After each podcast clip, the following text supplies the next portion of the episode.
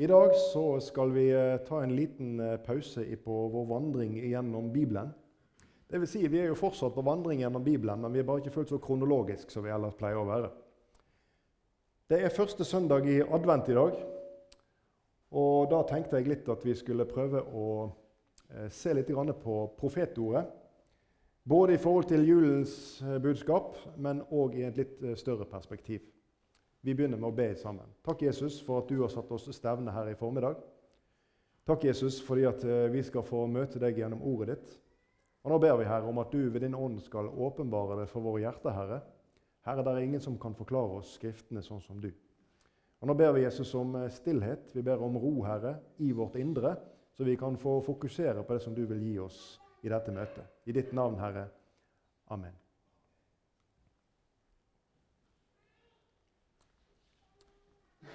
Bibelens eh, profetier de leser vi om at de er gitt oss eh, til troens oppbyggelse.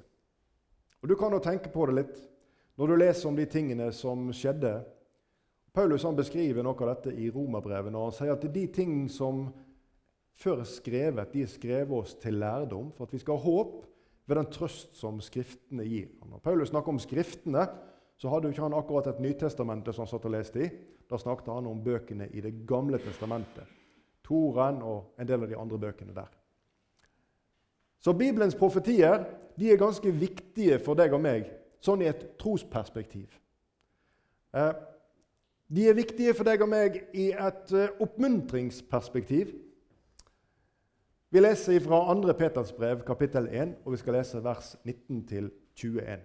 Og desto fastere har vi det profetiske ord, som dere gjør vel i å akte på. Det er som en lampe som lyser på et mørkt sted, inntil dagen lyser fram og morgenstjernen går opp i deres hjerter. For dere vet først og fremst dette, at ikke noe profetord i Skriften er gitt til egen tydning, for aldri er noe profetord brakt fram ved menneskers vilje, men ved de hellige Guds menn talte drevet av Den hellige ånd. Dette er noen viktige vers å trykke til sitt hjerte og grunne på å ta med seg hjem igjen fra møtet i dag, enten vi er her eller vi hører det på annet vis. Disse ordene er viktige. Desto fastere har vi det profetiske ord, som dere gjør vel i å akte på. Og en ting som er viktig, som vi leste her Det er flere ting som er viktige, men en av de For aldri er noe profetord brakt fram med menneskers vilje, Altså, profetordet det er talt, står det her, gjennom Guds hellige menn som var drevet av Den hellige ånd. Og Den hellige ånds gjerning, den kjenner vi. Han skal veilede oss til hele sannheten. Profetordet demonstrerer Guds ords oppfyllelse. Og Når vi leser gjennom bibelhistorien, og vi skal ha noen eksempler her i formiddag, så oppfylles profetordet til tross for alle typer omstendigheter og til tross for menneskelig vilje eller uvilje, om jeg skulle få lov til å tilføye det. Profetordet det er Guds ord, som vi leste her, talte av de hellige menn, drevet av Den hellige ånd. Så det er Guds ord, det er Guds budskap til menneskene. Og så står det her at dette ordet det virker trosstyrkende. Vi leste om at det er som et lys i mørket. Og en liten refleksjon her. Hva gjør vi for å få bort mørket? Hva gjør du for å få bort mørket? Jeg hadde et lite barnebarn på besøk der i går. Som eh, når jeg åpna døra inn til vaskerommet, så så hun på meg og sa 'Mørkt, morfar'. Ja, det var mørkt der inne. Det var ikke lys på. Det var helt mørkt. Så hva gjør vi for å få bukt med mørket? Jo, vi setter på lyset. Vi ønsker å få fatt på lyset for at mørket må vike. I Salme 119 av vers 105 så leser vi dette kjente verset at ditt ord er en lykt for min fot og et lys på min sti. For mange år siden så var jeg på en øvelse i, i militæret. og Det foregikk inne i skogen. Og Vi skulle ikke få lov til å bruke lys, for da kunne jo noen se oss. Og jeg minnes enda den ferden. Jeg kunne fortalt litt om det. På et tidspunkt holdt det på å gå ordentlig galt der på en skrent. Men uten lys så er det vanskelig, ja til og med umulig, å finne veien. Når det blir helt mørkt og du mister referansepunktene. Da snubler vi, og da sklir vi, og vi vet ikke lenger hvor farene befinner seg. Desto fastere har vi det profetiske ord, som dere gjør vel i å akte på. Og hør nå det er som en lampe som lyser på et mørkt sted, inntil dagen lyser fram og morgenstjernen går opp i deres hjerte. Vi er på vandring, du og jeg. Vi er på vandring gjennom dette mørket på vei til et lysere sted. Ja, til lysets sted. Til Guds himmel, hvor det ingen lampe er tent, men hvor lammet selv er stadens lys. Halleluja. Tenk på det! Når du leser om det som skjedde i tabernaklet Jeg kommer jo stadig tilbake i det når jeg skal forklare ting. Så der inne i det aller helligste, bak disse tjukke teppene, flere lag med tepper på taket, og dette tjukke forhenget, der fantes ingen lampe. Lysestaken er på utsiden av dette rommet. Men det er ikke behov for noe annet lys der inne i Guds nærvær. Det er ikke behov for noen annen lampe for at presten skal se hva som skal skje der inne. For Guds herlighet stråler. Og det er dette ordet, profetordet, som han ber oss om å gjøre vel i å akte på. Det er dette ordet han har gitt deg og meg til lys i det mørke, i den verden som vi lever i dag. Gud ønsker å gi lys til ditt mørke. Kan du trykke det til hjertet ditt? Gud ønsker å opplyse ditt hjertes indre. Gud ønsker å opplive din ånd. Gud ønsker å gi liv til din sjel. Gud ønsker at du skal være en glad kristen. Han ønsker å fylle dine tomme kar. Og han ber deg for at han skal få komme til og få vise deg og få demonstrere sin makt og sin evne til å gripe inn i ulike situasjoner. Så ber han deg les om det som jeg har sagt, og se hvordan det er blitt oppfylt. Så skal det styrke ditt hjerte. Derfor er det dette ordet står slik i 2. Peters brev 1,19 at du gjør vel i å akte på profetordet, for det er som en lampe som lyser på et mørkt sted. Vi skal ta med oss to eksempler fra Bibelen. Det finnes to eksempler fra Bibelen om en sånn navngitt skikkelse som blir angitt i en profeti. Altså Ikke bare er profetien tidfesta eller beskriver noe som skal skje, men ved disse to eksemplene som vi skal ta for oss her nå, så er det altså at profeten stiger fram, og så navngir han den personen som skal komme. Den ene av disse det er Josia. Og Vi leser i første kongebok, kapittel 13, vers 1-2. Da kom det på Herrens bud bare, Vi må bare stoppe der før vi leser videre. Hva var det vi sa om profetordet? Hvordan var det det kom til? Og det kom til ved menn som var drevet av Gud, som talte ved Den hellige ånd.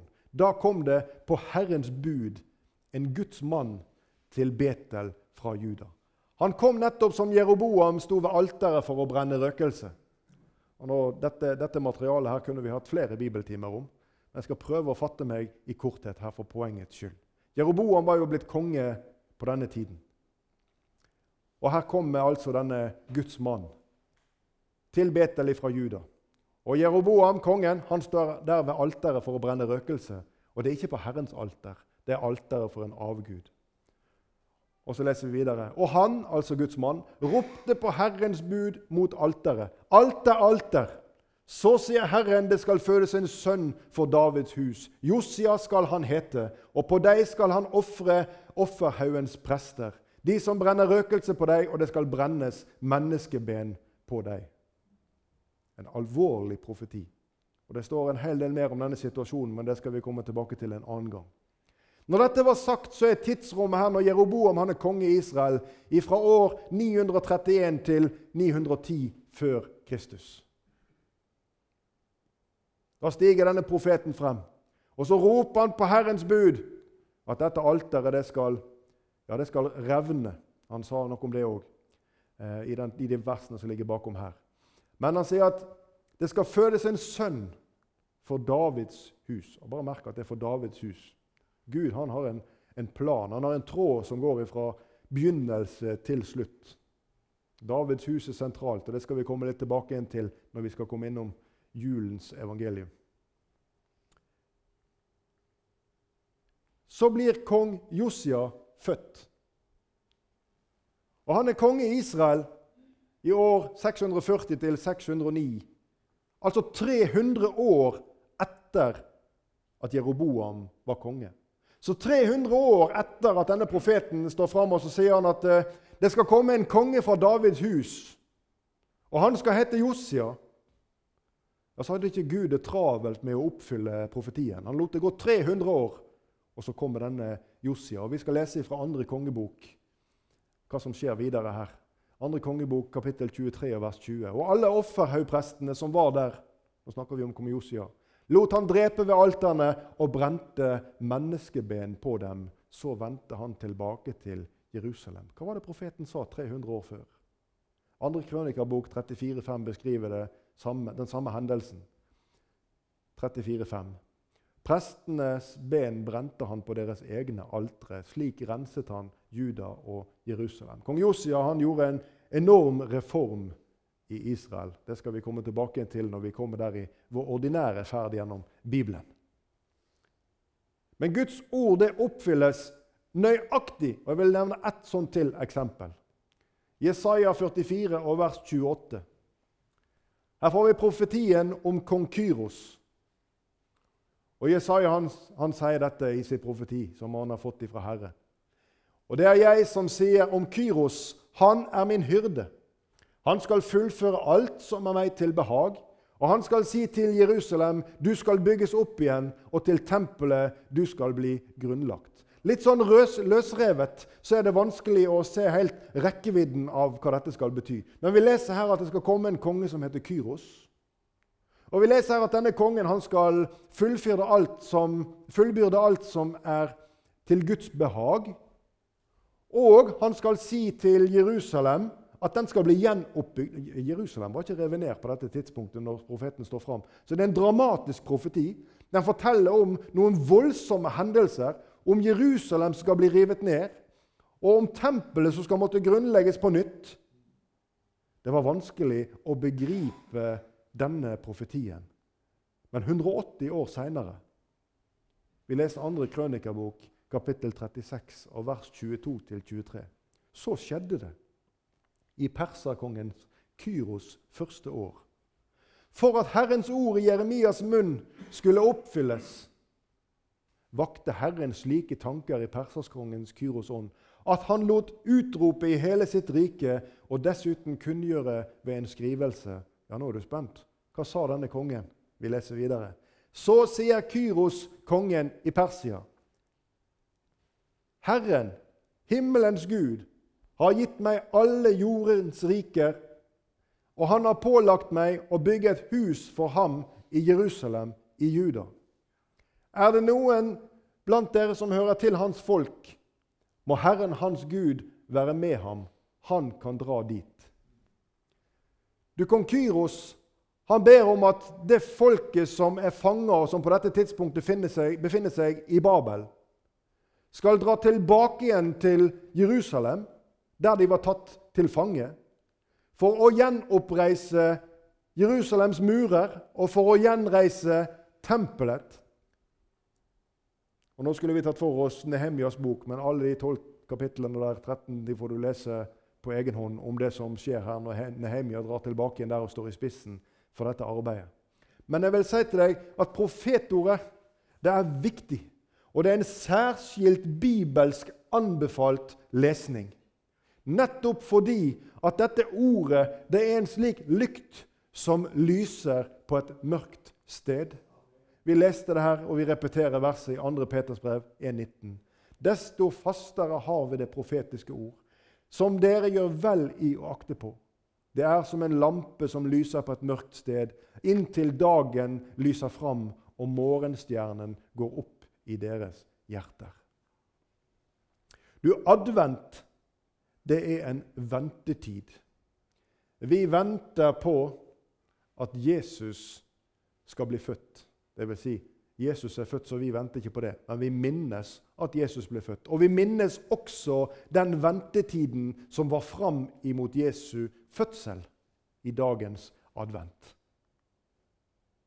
Og denne ventetiden ja, det er en ventetid som òg er prega av oppfyllelser av profetier som er knytta til at Gud har latt det profetere om en frelser som skal bli født. Jeg har lyst til å bare ta med noen av disse profetiene. Og det er mange av dem. Fryktelig mange av dem hvis vi begynner å bla i Det gamle testamentet. Men noen av disse profetiene som peker fram imot Jesu fødsel, vil jeg ta med. I Første Mosebok 49 og vers 10 her finner vi Jakob som har eh, hva skal vi si, en tale til sine sønner. Og Jakob han sier dette i dette tiende verset.: Kongespir skal ikke vike fra Juda. Du kjenner Juda som en av Jakobs sønner. Ikke herskerstav fra hans føtter, inntil fredsfyrsten kommer og folkene blir ham lydige. Du, Jesus, han er av Juda stamme. Jesus er ikke av Levis stamme, selv om han er beskrevet som vår ypperste prest. Det skal vi komme tilbake til en annen gang. Jesus han er av Juda stamme. Og Vi ser profetien fra Jakob her om kongespir som ikke skal vike fra Juda, og ikke herskerstav fra hans føtter inntil fredsfyrsten kommer og folkene blir han lydige. Vi leser Matteus 1, vers 1-2 ettertavle for Jesus, Messias, Davids sønn, Abrahams sønn. Abraham fikk sønn Isak, og Isak fikk Jakob. Og Jakob fikk Juda og hans brødre. Og Hvis vi hadde lest alle de 17 versene her i denne ettertavla, så ville vi kommet helt fram til Jesus og fått demonstrert nettopp ordene som Jakob talte. At Jesus han er i direkte blodslinje nedover ifra Juda og blir i Judas slekt. Jesus etterfulgte også kong David. 2. Samuels bok og kapittel 7 og vers 12-13. Når dine dagers tall blir fulgt, og du hviler hos dine fredre, da vil jeg etter deg oppreise din sønn som skal utgå av ditt liv, og jeg vil grunnfeste hans kongedømme. Han skal bygge et hus for mitt navn, og jeg vil trygge hans kongetrone til evig tid. Disse ordene taler Gud til David. Og Han taler om Davids sønn Salomo. Og Du kjenner bibelhistorien. Det var ikke kong David som reiste tempelet. Det ble det Salomo som gjorde. Selv om David hadde samla sammen veldig mye av det som trengtes for å reise tempelet, så ble det Salomo som fikk denne rollen. Og så sier Gud at om Salomo han skal bygge et hus for mitt navn. Ja, det gjorde Salomo. Men merk fortsettelsen. Og jeg vil trygge hans kongetrone til evig tid. Israel er Guds utvalgte folk. Og her snakker vi om kongetronen i Israel. Og Gud vil trygge denne kongetrone til evig tid. Engels ord til Maria i Lukas 1, vers 31-33. Se, du skal bli med barn og føde en sønn, og du skal gi ham navnet Jesus. Han skal være stor og kalles den høyeste sønn. Og hør Gud, Herren, skal gi ham hans far Davids trone. Og han skal være konge over Jakobs hus til evig tid, og det skal ikke ikke være ende på hans kongedømme. Du, når du leser Bibelen, og når du leser profetordet, så kan du ikke bli noe annet enn grepet i ditt hjerte at du, Gud, er større enn jeg visste. Du er større Gud og mektigere Gud i ord og gjerning enn det jeg kan forstå. For du lar ting oppfylles til tross for omstendigheter, og du lar det oppfylles nøyaktig. Løftet om Immanuel-tegnet. Jesaja 7, 14, der leser vi Derfor skal Herren selv gi dere et tegn. Se, jomfruen skal bli med barn, og hun skal føde en sønn og gi ham navnet Immanuel. Du ser du umuligheten i dette her? I stad så leste vi om profetien som handla om at Jerusalem skulle bli revet ned og tempelet skulle bli ødelagt, for det måtte jo bli gjenreist. Så det lå liksom i korten at det måtte bli ødelagt først. Men når vi får en profeti som dette ja, Vi kjenner jo bibelhistorien. Vi vet hvordan dette henger sammen, og hvordan det blir oppfylt. Men for den som hørte disse ord, hva skulle de tro på når profeten stiger fram og sier at jomfruen skal bli med barn? Altså Det strider mot enhver menneskelig tanke at dette skal kunne skje. Hvorfor stiger du fram her, du som sier disse ordene her, og så påberoper du deg å være Guds mann som kommer her og taler om disse umulige ting for våre ører? Det må ha rabla for deg. Nei, når Gud taler, så er det ikke betinga de elementer vi tenker må være på plass for at Hans ord skal kunne oppfylles. Og profetien om Jesus, denne profetien om Jesus er en av de eksemplene Bibelen gir oss på nettopp dette. Jomfruen skal bli med barn. Jeg hører hva du sier, og det høres umulig ut. Har du noen ganger fått et løfte i ditt hjerte ifra Herren? Har Han rørt med deg noen gang og sagt til deg sånn eller slik skal jeg gripe inn og gjøre for deg? Og så har du sagt i ditt indre det går ikke, Herre. Det er umulig, Jesus. Fordi at betingelsene slik jeg ser dem, er ikke til stede for at dette skal kunne skje. Vi kan smile litt av det, men det var to predikanter som var ute og kjørte bil, og de punkterte på veien til møtet. Og Jeg har sagt det før til noen av dere. Og Der sto de uten reservehjul, og det var hull i bakdekket. Og de sto og så på dette her. Og så sier han ene i, i tro til den andre vi får be Gud om å fylle luft. Og så svarer han andre det går ikke, for hullet er for stort. Og Vi kan spille litt av disse to, men sånn er vi mennesker. Vi legger liksom en ramme på hva vi tenker som kan være mulig eller umulig. Og Her står profeten fram og så sier han, se, jomfruen skal bli med barn. Og så minnes du engelens ord til Josef. Hør Matteus 1, vers 20-23. Josef, Davids sønn, engelen taler her. Frykt ikke for å ta Maria, din hustru, hjem til deg. Og hør, for det som er unnfanget i henne, er av Den hellige ånd. Josef han visste at han ikke hadde vært nær ved Maria. Og Josef han var engstelig i sitt hjerte og tenkte at Maria hun hadde vært nær en annen mann. Og så kommer det Guds sendebud her til Josef og sier at Josef, Davids sønn Og Det bare understreker på nytt hvilken slekt dette gjelder. Frykt ikke for å ta Maria, din hustru, hjem til deg, for det som er unnfanget i henne, er av Den hellige ånd. Hun skal føde en sønn, og du skal gi ham navnet Jesus. For han skal frelse sitt folk fra deres synder. Alt dette skjedde hør, for at det skulle bli oppfylt som Herren hadde tatt ved profeten. Du, Gud han gir oss slike gullkorn gjennom Bibelen. Hvor han, som vi leser fra skapelsen av, han talte, og det sto der. Like uforståelig som at jomfruen skulle få en sønn. Men Guds ord oppfylles. Se, jomfruen skal bli med barn og føde en sønn, og de skal gi ham navnet Immanuel. Det betyr Gud. Med oss er Gud. Messias skal komme fra Betlehem. Ja, det sto det skrevet om. Jeg vet ikke om du husker når Herodes uh, lurte litt på hvor henne dette barnet ble født, henne, så var ikke de helt sikre på det. Men når de fikk uh, Det må jo ha vært flaut tenker jeg, for disse her skriftlærde altså, som ikke kunne svare på det. Men når de fikk nå gransket Skriftene, da, så kom de nok fram til Mika. Og vi skal lese dette verset. Mika 5,1.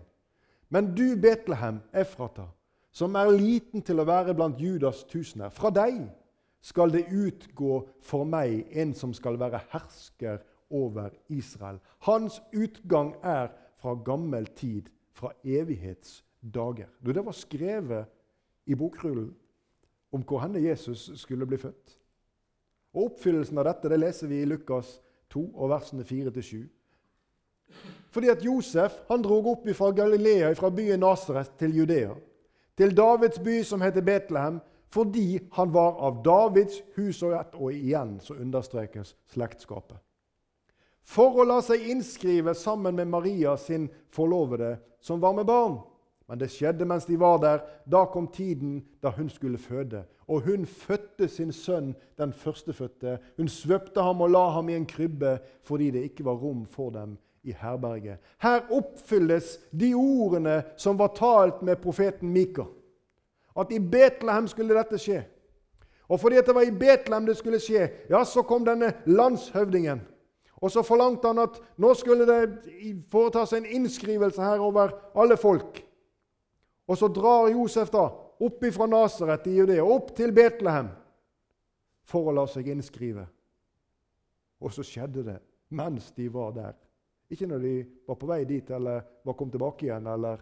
Det var mens de var der, som Gud hadde sagt for så lenge siden. Denne korte tiden mens de skulle være der og innskrivningen skulle skje. Da kom tiden da hun skulle føde.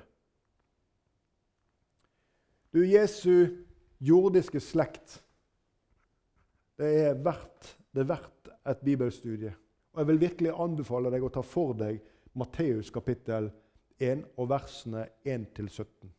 Og Se litt på navnet og hvem som henger sammen her. Det er utrolig trosstyrkende lesning. For det profetordet som står her, det oppfylles, og det trosser alle former for ulydighet. Hvis du ser disse menneskene som er i denne ettertavla, og når de levde, og omstendighetene rundt personen, så finner du egoisme. Du finner krigslyst. Du finner usedelighet. Det er fire kvinner som er nevnt i denne ettertavla. Ta bare en av dem. Du husker kanskje at hun var sammen med sin svigerfar og fikk barn. Og gjennom dette barnet går Jesu slekt. Gjennom ugudelighet, de mange konger vi kan lese om. Gjennom hedningeslekt. Ja, Ruth hun var ei hedningekvinne. Vi synger i barnesangen og Ruth hun var så god og snill. Ja, det var hun. Ruth var veldig god på mange vis. Men Ruth var en hedningekvinne som ingen jøde skulle ha samkvem med og langt ifra gifte seg med.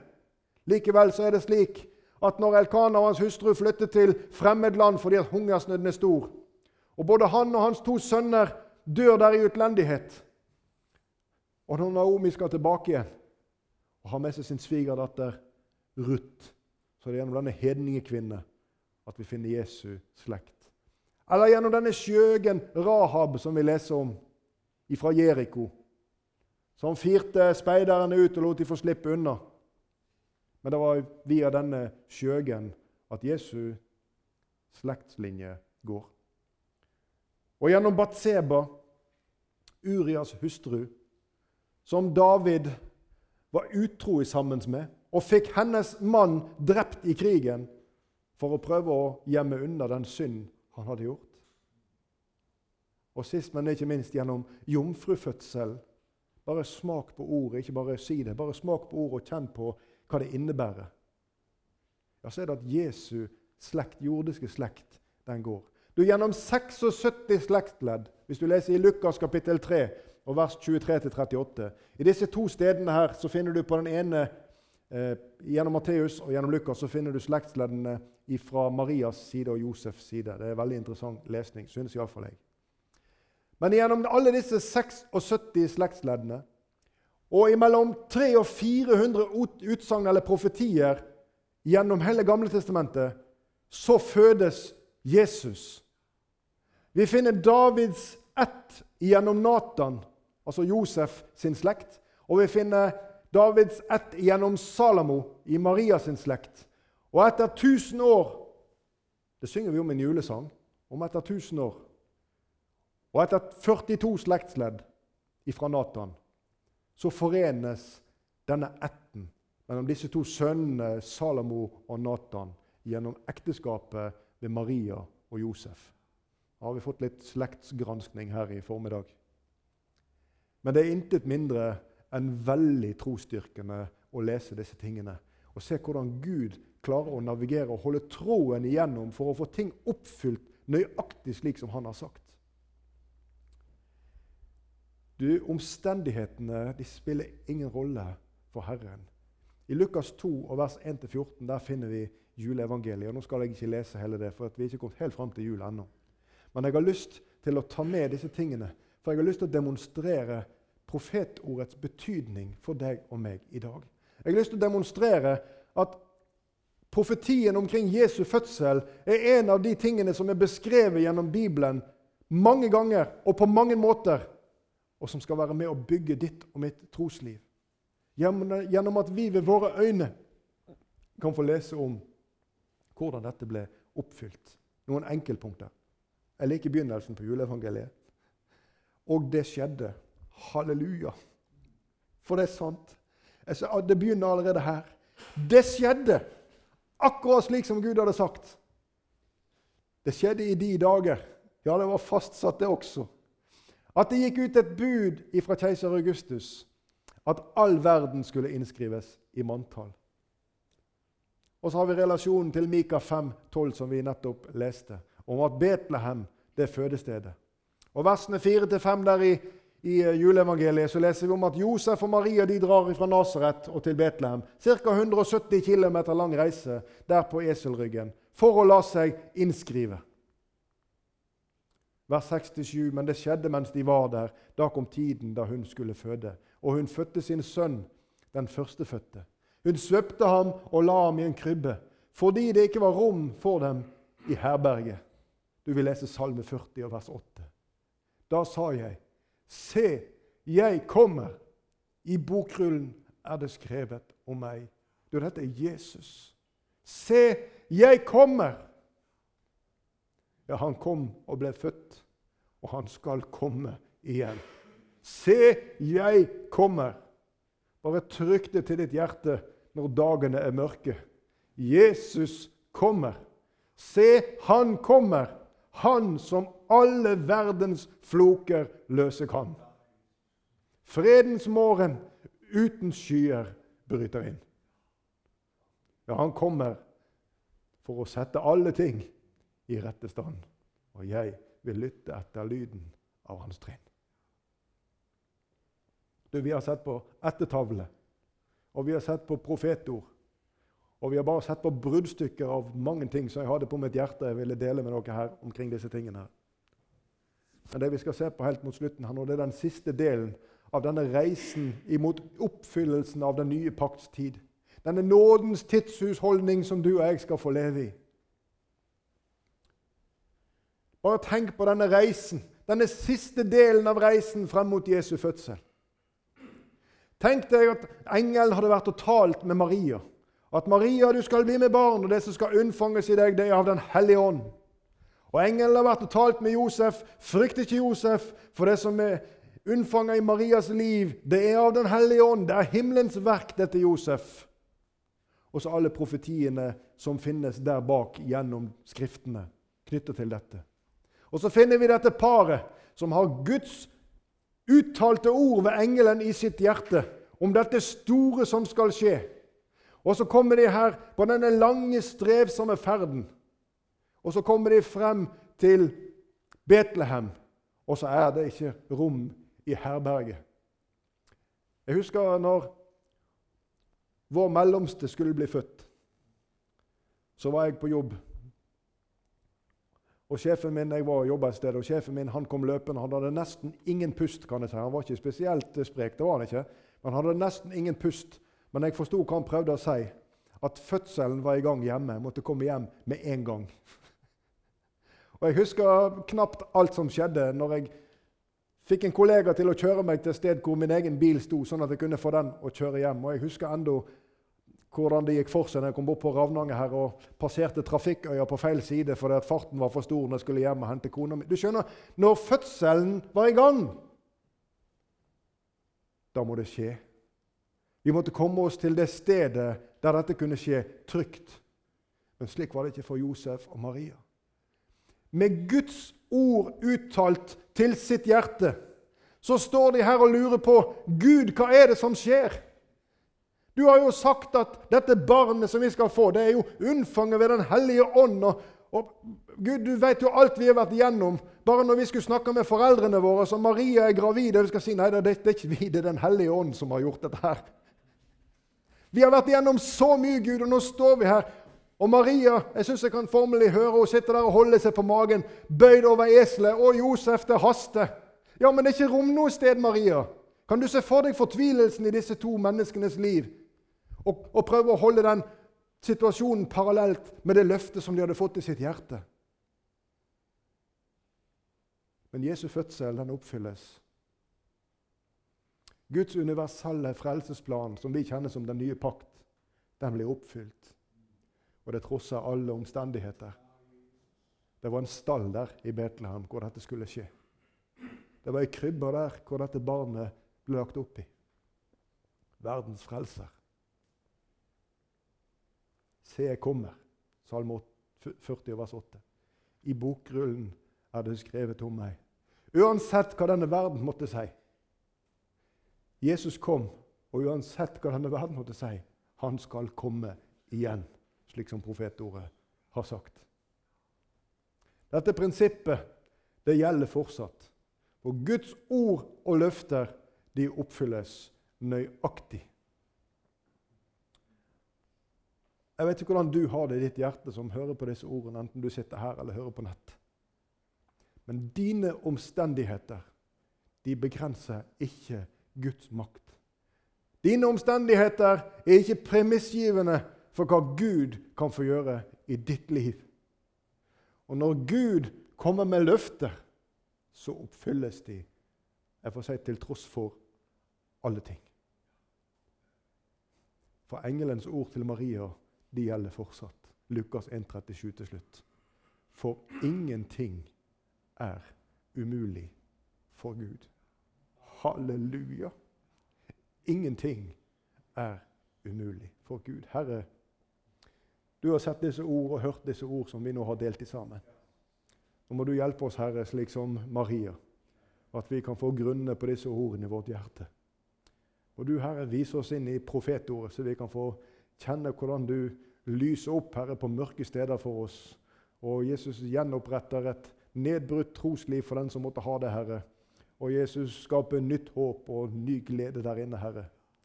Takk, Jesus, for du har gitt oss disse ordene. Takk, Herre, for at du ved din ånd vil åpenbare dem for oss, Herre. Herre, vi priser navnet ditt fordi at du vil ta vare på oss også på denne måten på vår ferd imot ditt himmelske land. Amen.